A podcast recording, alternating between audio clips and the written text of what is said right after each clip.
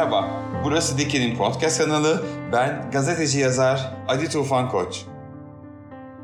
Dilde, evde, işte, okulda, sokakta, ilişkilerde cinsiyet eşitliği daha kolay uygulanabilir ve daha sağlıklı sürdürülebilir bir pratiğe nasıl dönüşebilir? Daha da mühimi biz bunun için hemen şimdi birlikte ne yapabiliriz? Diken bu soruya 8 Mart 8 Kadın başlıklı bir söyleşi serisiyle yanıt veriyor. Bu söyleşi serisinde fikirleri ve üretimleriyle alanında fark yaratmış 8 kadın Berrak Tüzün Ataç, Şemsa Denizsel, Evrim Kuran, Lara Dilara, Nisan Ceren Özerten, Profesör Doktor Canan Atılgan, Profesör Doktor Itır Erhard ve Sinem Sandıkçı Gökçen ile toplumsal cinsiyet eşitsizliğine dair kişisel deneyimlerini, çözüm önerilerini ve birlikte bu çözümleri nasıl sürdürülebilir kılacağımızı konuşuyoruz. Cinsiyet eşitliği bilincini gündelik hayatın her alanına ve toplumun tamamına yayabilmek amacıyla kurguladığımız bu mülakat serisinin kısaltılmış yazılı versiyonlarını Diken.com.tr'den okuyabilir, videolarını Diken'in sosyal medya hesaplarından izleyebilirsiniz. 8 bölümden oluşan bu podcast serisini tüm podcast platformlarından ücretsiz dinleyip indirebilirsiniz.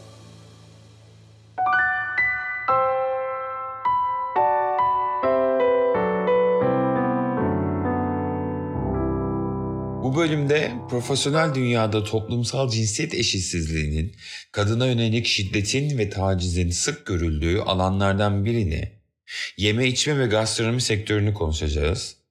Konuğumuz ise Yeni İstanbul Mutfağı olarak tanımladığı kantin ile 18 yıl boyunca Türkiye'nin yeme içme sektöründe kadın şef patronluk yapmış Şemsa Denizsel.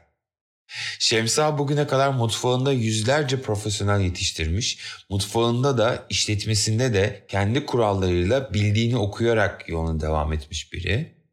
2018 yılında kapadığı kantin sonrası emekli olduğunu iddia etse de yemek üzerine yazmaya, konuşmaya, düşünmeye ve üretmeye devam ediyor. 2000 senesinde İstanbul'da kendi restoranını açmış biri olarak kadın olduğu için neleri farklı yapmak zorunda kaldığını ve bir kadın patronu olarak tacizi, istismarı önlemek adına nasıl bir tutum sergilediğini anlatacak bize Şemsa. Şemsa'yla eşitsizliğe, istismara uğradığı halde sesini çıkarmakta zorlanan kadınların sayısını azaltmak adına neler yapılması gerektiğini de konuşacağız. Şemsa hoş geldin. Hoş bulduk Ali Tufan. Bu söyleşi serimizde e, bizimle birlikte olduğun için çok teşekkür ederiz. Bizim için son derece e, önemli, hassas bir konuyu farklı e, alanlarda senin gibi e, sözünü sakınmayan insanlarla konuşmak istedik. e, Korkmam başlık... lazım galiba. Yok hiç değil. e, bunu dinleyecek ve konunun bu noktalara kadar gelmesinden sorumlu e, insanlar, sistem ve toplumlar e, korksun diyelim. eh. Tartışacağımız konu dilde, evde, işte, okulda, sokakta, ailede ilişkilerde cinsiyet eşitliği daha kolay uygulanabilir ve daha sağlıklı sürdürülebilir bir pratiğe nasıl dönüşebilir? Daha da mühimi biz bunun için hemen şimdi birlikte ne yapabiliriz? Burada e, konuklarımızla birlikte cinsiyet eşitliğine ilişkin kendi deneyimlerini, çözüm önerilerini ve bunları nasıl sürdürebileceklerini konuşacağız. Senin alanına baktığımda mutfak dediğin aslında evde kadının hegamesinde olan bir alan. Ama profesyonel alana baktığında e, mutfak uzun yıllardır e, erkeklerin mutfak dediğimiz, restoran dediğimiz, yeme içme sektörü bir erkeklerin tek elinde bir alan. E, özünde kadının alanı olmasına rağmen iş dünyasında, profesyonel alanda neden böyle bir hani değişime uğramış? E, bu bence geleneksel, toplumun geleneksel hali ile ilgili. E, kadın hep evde, adam dışarıda. İşte biri ekmek parası kazanır, eve getirir. Kadın evde e, aileyi bir arada tutan, yuvayı yapan dişi kuş gibi bir e, durumun... E, yansıması diye düşünüyorum. Ben önce toplumsal olarak bu kabulleri değiştiriyor olmak lazım. Ee, yani kadının hep evde olacağı ve yuvayı yapan dişi kuş olacağı. Valla erkek de bal gibi yapabilir istedikten sonra. Ama e, erkek dışarıda çalışır ve kadın işte e, bunu beceremez gibi bir saçmalığı da kabul etmiyor olmak lazım. Hayatta insan her istediği şeyi gerçekten istiyorsa yapabilir diye düşünüyorum ben. Fiziksel e, engeller elbette var. Yani bir kadın fiziksel olarak bir erkek kadar güçlü olmayabilir. Ama kadının da beyninin kıvrımlarının farklı çalıştığını düşünecek olursak bunu... E, onunla yenmesi ve yani akıl bence kası her zaman döver yani bu kadar basit bir durumdur bu. E, çünkü akıl manipüle edebilir ki kadın zaten manipüle eden. Ki bunu da doğru bulmuyorum. Bu da ayrı bir konu. Ben çok bambaşka bir yerden girdim. Şimdi senin soruna geri dönmeye çalışayım. Ee, şimdi bu erkek dışarıda çalışır. E, dışarıda bir restoran veya işte neyse artık e, gastronomi e, sektörü de dışarıda olduğuna göre erkeklerin gelenekten gelen ve bu sadece Türkiye'ye ait bir şey değil. Ee, işte ne bileyim Fransız mutfağını esas mutfak kabul ediyorsak ki niye ediyoruz ayrı konu. Ee, esas mutfak kabul ediyorsak e, yani Escoffia'dan bu yana hep mutfakta ekiplerin erkek olduğu üzerine bir şey var. Şimdi e, daha evvel seninle konuştuğumuz pek çok seferlerde ben kadının mutfağa, profesyonel mutfağa çok uygun olmadığını hep savundum. Bilmiyorum hatırlıyor musun seninle yaptığımız muhtelif e, sohbetlerde. E, bu yavaş yavaş değişiyor ama niye uygun olmadığının bir, bir kere daha bir ben altını çizmek istiyorum. Ben bir kadınım ve bir mut, profesyonel mutfakta var olmayı seçmiş birisiyim. Eee Profesyonel mutfak çok ego çarpışan bir yer. Ee, eski mutfak böyleydi. Şimdisi öyle olmayabilir. Ben emekli oldum biliyorsun artık böyle yapmıyorum. Ondan sonra ama e, egoların çarpıştığı, fiziksel güç gerektiren e, ve çok tempolu çalışmayı gerektiren bir yer. Ve bunun da yanı sıra... E, çok ciddi hiyerarşik emir komuta zincirinin net uygulanması gereken bir yer. Ha tekrar söylüyorum dönemler değişiyor. Artık profesyonel mutfaklarda çok böyle çalışmıyor. E, görüyorum bunu.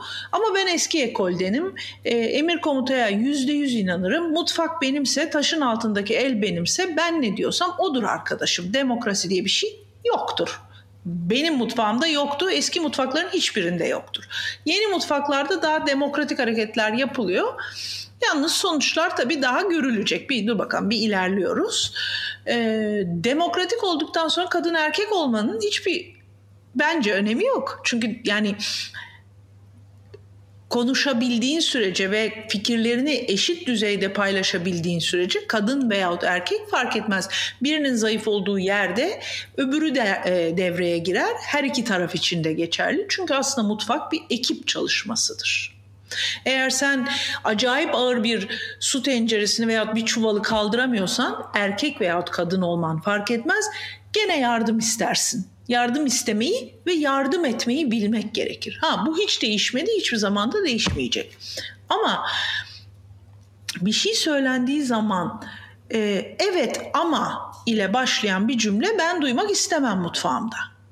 Kadınlarda da ben de dahil olmak üzere daima o evet ama var. Hep fikrimiz var bizim. Hep fikrimiz var.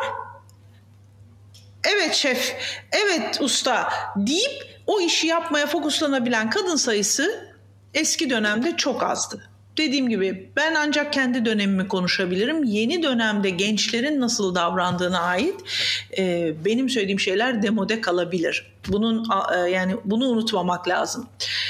Ama gelenekselden çıkmak gerekir diyorum ya yani kadın evde adam dışarıda falan artık pek öyle bir dünya yok herkes her yerde çalışıyor o zaman bunun toplumsal kabuller tarafına bakıyor olmak lazım. Bir yandan da sen bunları anlatırken e, senin ilk girdiğinde yaşadığın e, bazı zorlukları da e, duymak istiyorum. Ya da sen e, başladıktan sonra kimlik olarak ben burada var olmak için değişmem gerekti. Bazı hareketlerimi değiştirmem gerekti. Daha belki sert, daha farklı bir kabuğa bürünmem gerekti. Ee, daha hani kadın olarak hani duygusal ya da zayıf gözükecek tarafları belki de mutfak fark etmeden... sert bir yer. Mutfak sert Evet. bir yer Ali Tufan. Yani mutfak sert bir yer zaten sert oluyorsun. E benim de yapım çok yumuşacık bir yapı değil. Dolayısıyla Aynı mutfak zamanda ve ben- yapım yumuşak değil. Onu merak ediyorum bir yandan. Neydi? Hırt bir tarafım hep vardı. Yani hep hırttım. Ailemin kadınları da hırttır. Yani bu bu jenerasyonda ben e, aniden farklı çıktım değil. Yani annem de hırttı. Teyzelerim ondan da hırttı. Yani e, ben hepsinden beter oldum. Yani evet böyle hani sonuçta yapısal olarak biz böyle kadınlarız. E, oradan böyle devam etmiş. Ama ben ilk başladığımda tabii ki bir takım şeylere dikkat ettim. Bir kere bir, ilk Londra'da başladım. Londra'da başladığımda bir sandviç dükkanında başladım. O sandviç dükkanında e, yapılan herhangi bir şeyle bana verilmiş işle ilgili eleştirilmekten hoşlanmadığımı keşfettim mesela. Bunun ama kadın veyahut erkek değil karakterle alakası var. Onun için bana laf ettirmeyecek şekilde çalışmayı daha ilk günden kendime düstur bildim. Ben işimi istendiği şekilde düzgün yaparım. Hiç kimseye de bana laf söyleyecek yer bırakmam.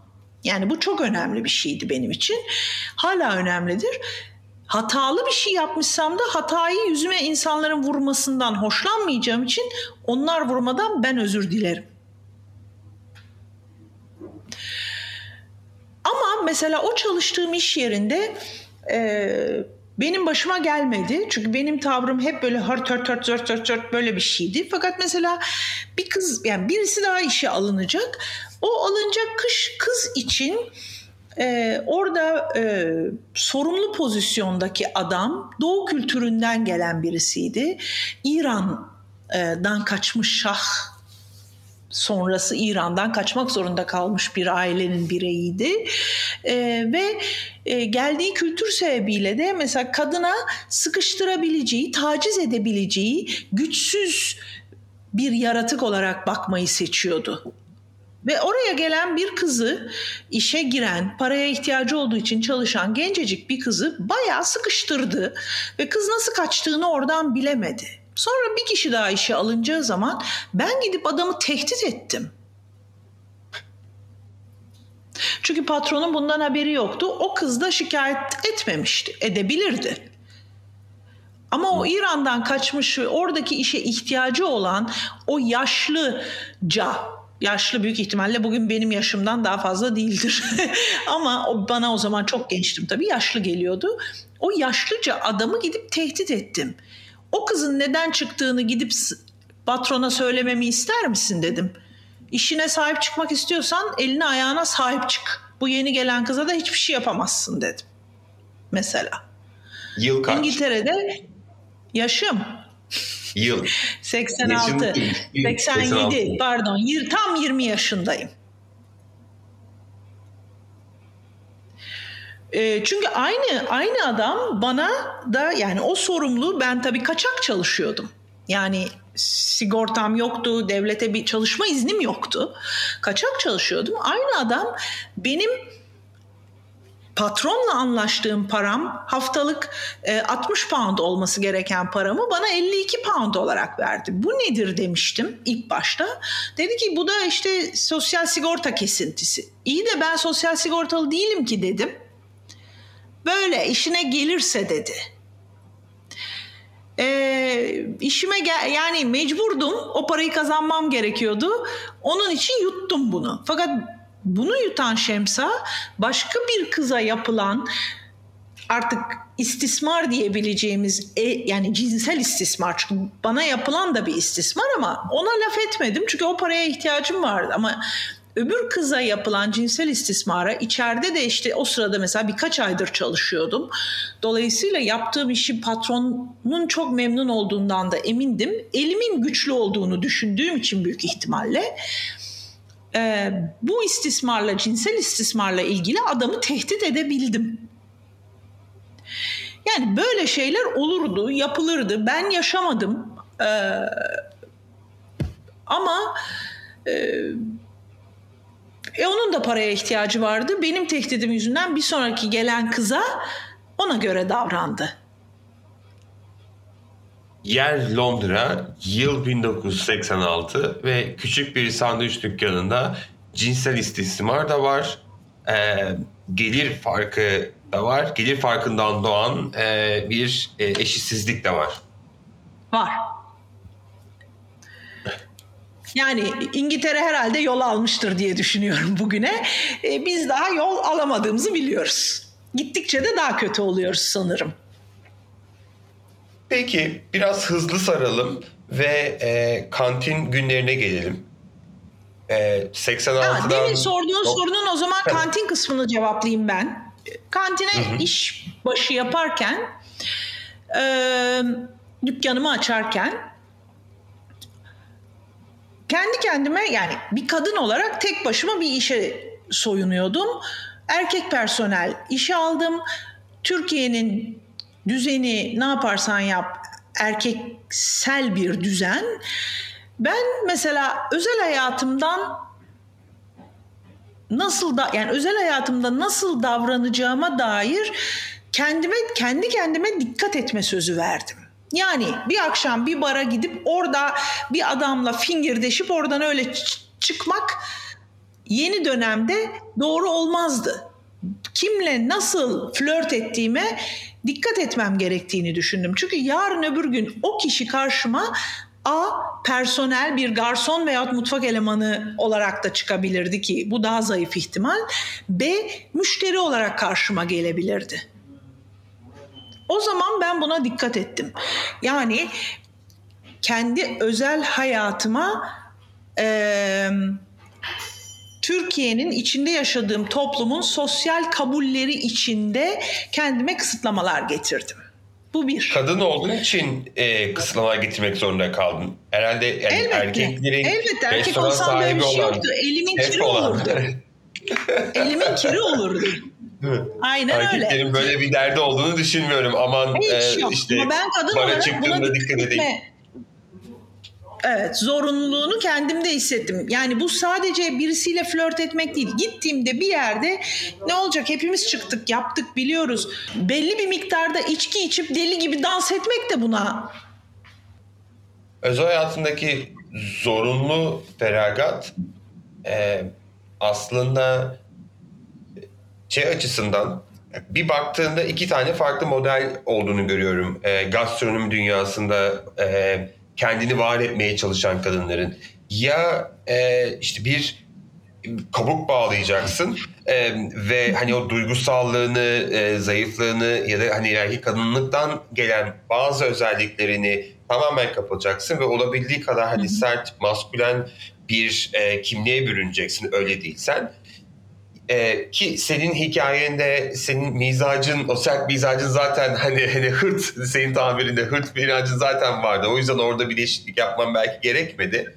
E, ama da belki daha da zoru olanı özel hayatında hani Şemsa gibi Şemsa e, olmamana, yaşamamana engel oldu. Yani ve belki kaç yıl, 20-30 yıl boyunca bu profesyonel hayatım boyunca yani Ee, 20 yıl bir boyunca barda, benim bir dışarıda rahat rahat dans edememek. Ee, sadece evet dediğin gibi flörtten bahsetmiyoruz. Yani bir rahat Hayır. olmak aslında. O hayatı yaşamak.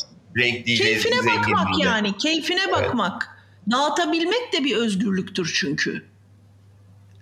Ve bunun illa seksüel olarak düşünülmesine gerek yok. Yani gevşemek için de deli gibi dans edebilirsin, çok içebilirsin veyahut bir köşede oturup melankolik melankolik de durabilirsin. Bunların hepsi özgürlüktür. Bunların hepsini yapabiliyor olman lazım. Ama hep eee, bir şekilde buna dikkat etmek ge- gerektiği hissim oldu.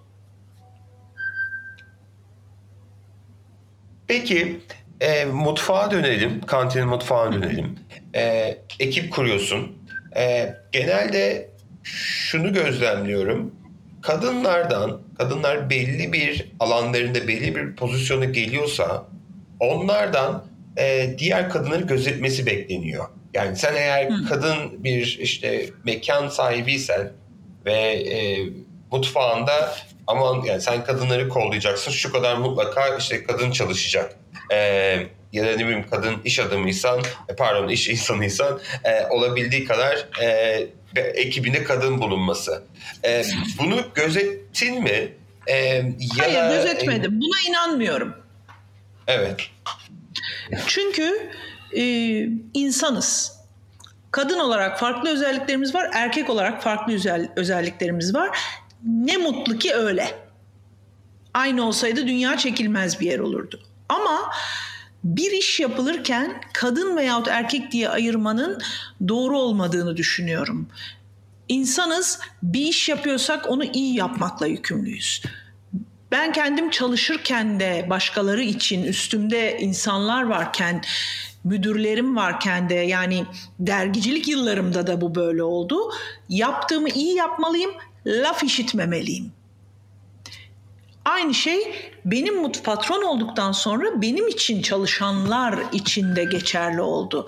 İşinizi düzgün yapın kardeşim. Kadın erkek bana hiç fark etmez. İşini düzgün yapmıyorsan istiyorsan kadın ol. Ben ne yapayım? İyi günler. Peki bir O yönetici konuda olarak hep bu kadar net oldum.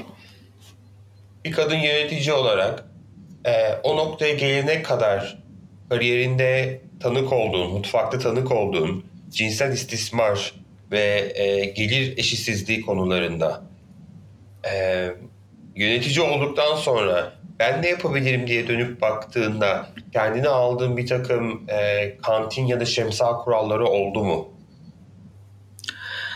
Ee, bir kere herkesin sigortalı çalıştırılma gerçeği ki bizim sektörümüzde Türkiye'de yüzde yetmiş sigortasız çalıştırılır.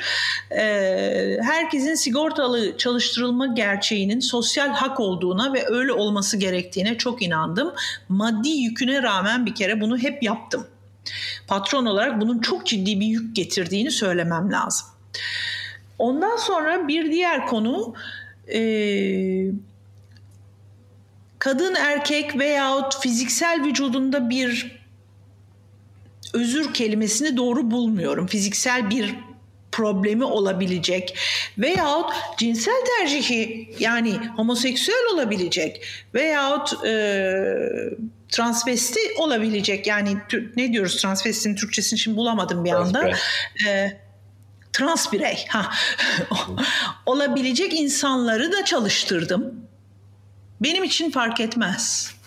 Çünkü herkes sonuçta insandır, çalışma hakkı vardır ve başka birisi onlarla eğer dalga geçmeye, herhangi bir toplumsal genellemeye uymuyorlar diye dalga geçmek gibi bir şeyler olursa daha işe o insanları aldığımda dönüp diğer personelime aklınızı başınıza toplayın, aklınızı alırım. İşsiz kalan siz olursunuz. Elimden geldiğince korudum. Benim dükkanımda cinsel istismarın hiç olmadığını söyleyebilirim. Çünkü ben kadın patrondum ve tavrım çok netti. Patronun çok net bir şekilde kırmızı çizgilerini ve belki de yaptırımlarını bu e, cins istismarla ilgili bunu net bir şekilde söylemesi var. E, bunu bir kere cebe koyalım. Türkiye'de sence bu ne kadar gerçekleşiyor? Sonuçta e, diğer işletmelere, diğer e, mutfaklara iyi kötü hakimsin. Hangisi nasıl işleniyor? Orada çalışan başka arkadaşların var. Senden mezun olanlar başka yerde çalışıyor. Küçük işletmelerde çok büyük problemler olmayacağını düşünüyorum.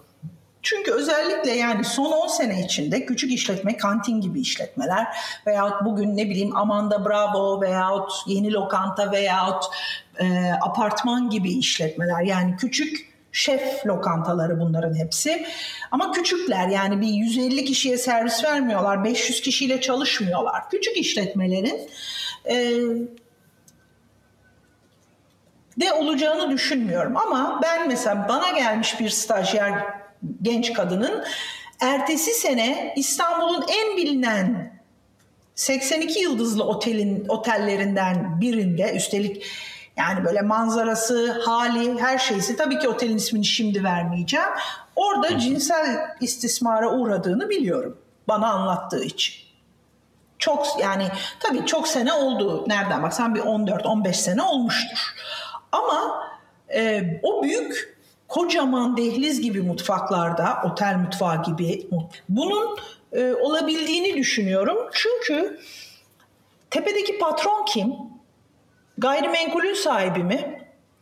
Ee, o gruba yani o işletmenin e, yurt dışındaki sahibi mi? Veyahut genel müdür mü? Veyahut aşçıbaşı mı? Eksekutif şef mi? Oraya gelinceye kadar fazla katman var. O katmanlarda her şey kayboluyor. Belki de bunun Yani bir kime kişisi olmalı büyük şirketlerde. Öyle değil mi? geçmişinde yapmış oluyor. Evet.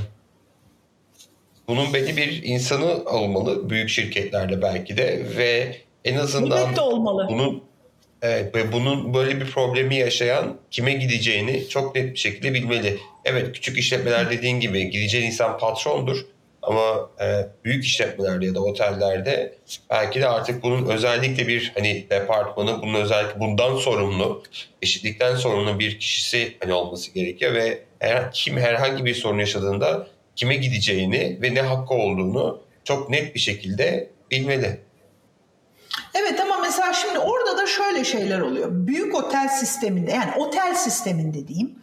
e, bir Türkiye'nin e, genel işte SGK kuralları her neyse e, veyahut iş verenin uyması gereken kurallar, sistemler, onlar bunlar içinde birisi bir e, cinsel istismara uğradığı zaman bir üst müdürüne gidip bunu söyleyebilir. E, ne oluyor? O şikayet edilen kişiye ne uyarı veriyorlar. Keskin daha kimse kimseyi cat diye işten atmıyor. Yani tecavüz falan olmadığı sürece. Ve bu iş büyürse de bu kişi, bu lafları konuşan kişi de istismara uğrayan kişi de bunu konuşmaktan imtina ediyor. Çünkü bu işin büyümesini, dallanıp budaklanması utanıyor. Ne utanacağım? Ben bak ben ilk kocasından dayak yemiş birisiyim. Hiç utanmam. O utansın. Bunu yaşadığın gibi boşandın mı? Elbette. Önce bir tokat yedim, anlamadım, özür diledi. Bir hafta geçti, çift tokat yedim şak şak. Gene özür diledi. Hı, peki, üç, dayak. Bildiğin dayak. Hemen ertesinde o sabahleyin gitti.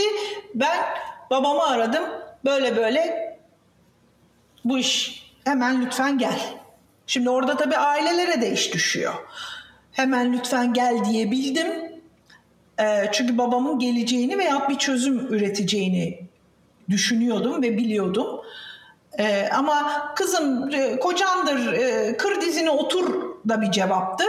Veyahut işte e, sever de döver de ama bilmem nedir. Ya da sen hani orada kal buraya geri dönemezsin nerede var. Ya da acaba bir konuşsanız mı belki düzelir yavrumlar var. Hiçbir şey düzelmez. Bunu bir kere yapan hep yapmaya devam eder. Bu dediğin iki örnekte aslında şiddetin ne olursa olsun, kadına yönelik şiddetin ne olursa olsun meşrulaştırılamaz cümlesine hani Elbette. Hani, asla. e, Asla. e, evlilikte de ya da e, iş işte de iş dünyasında da yani iş dünyasında bunun bir e, uyarıyla geçiştirilemeyeceğini ve hemen katiyen bir şekilde o kişinin şiddeti uygulayan kişinin işine son verilmesi. Şekerim. Evde bu uygulanıyorsa da birisini işten çıkarmak için vermen gerekecek olan tazminat miktarları yüzünden işçi çıkarılamadığını gördüm ben. Yani onu vermek istemediği için e, genel müdür ya da patron ya da yönetici kimse artık sistemin parçası adam çıkarılamadığını gördüm. Neyi konuşuyoruz? Yaşasın kapitalizm mi diyeceğiz? Peki ne yapabiliriz? Bir yandan gerçek var. Ee, evet böyle kapitalizmin tam ortasında yaşıyoruz. Bir yandan Türkiye'de yaşıyoruz. Bir yandan e, toplumun bazı e, kökleşmiş bakış açıları var. Her şeye rağmen e, ne yapabiliriz? Biz bugün e, çözüm Kanunları önerileri olarak ve kanunları uygulayacağız. Bir kere bu. Eğitim vereceğiz. Evdeki çocuğu yetiştirirken o annenin de kocadan dayak yemiyor olması lazım. O çocuğun da babadan dayak yemiyor olması lazım. Veyahut o çocuğun anadan dayak yemiyor olması lazım. Ee, ve bunun ötesinde yani bunun hiçbir şekilde kabul edilebilir olmayacağının söylenmesi ve bunun yaptırımları olması lazım.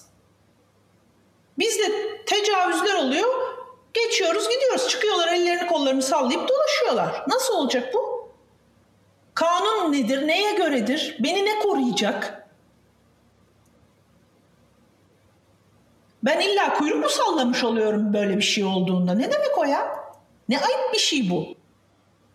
bu hikayenden e, yola çıkarak e, kapatmaya yakın şunu da hatırlatmak istiyorum bu kaydı dinleyenlere. Olay sadece e, kanunla da hani bitmiyor. Senin Londra'da yaşadığın o hikayede sesini çıkarman, yani etrafında birinin başına e, geliyorsa ses çıkaracaksın. Hakkını Evet. koruyacaksın. E, bu bir yakın arkadaşın olur, iş arkadaşın olur. Yani görmezlikten gelemeyiz. Hani konuşmanın başında söylediğimiz şeyler. Evet.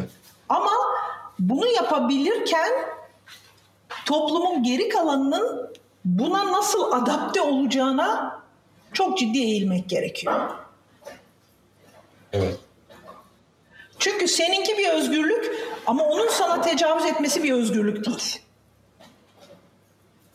Ama sanki özgürlükmüş gibi davranıyoruz. Kanunlarımız da öyle davranıyor, insanlarımız da öyle davranıyor. Allah bize kolaylık versin. Her işi yukarı havale ettik ya. Şemsa çok teşekkür ederim. Ben teşekkür ederim. Diki'nin 8 Mart 8 Kadın Mülakat serisi kapsamında gerçekleştirdiğimiz diğer 7 sohbeti tüm podcast platformlarından ücretsiz indirip dinleyebilirsiniz. Bu serinin gerçekleşmesinde katkısı bulunan destekçilerimiz L'Oréal Paris, Mediajo ve Raffles İstanbul'a teşekkürlerimizi sunarız. Bir sonraki söyleşide görüşmek üzere. Hoşçakalın.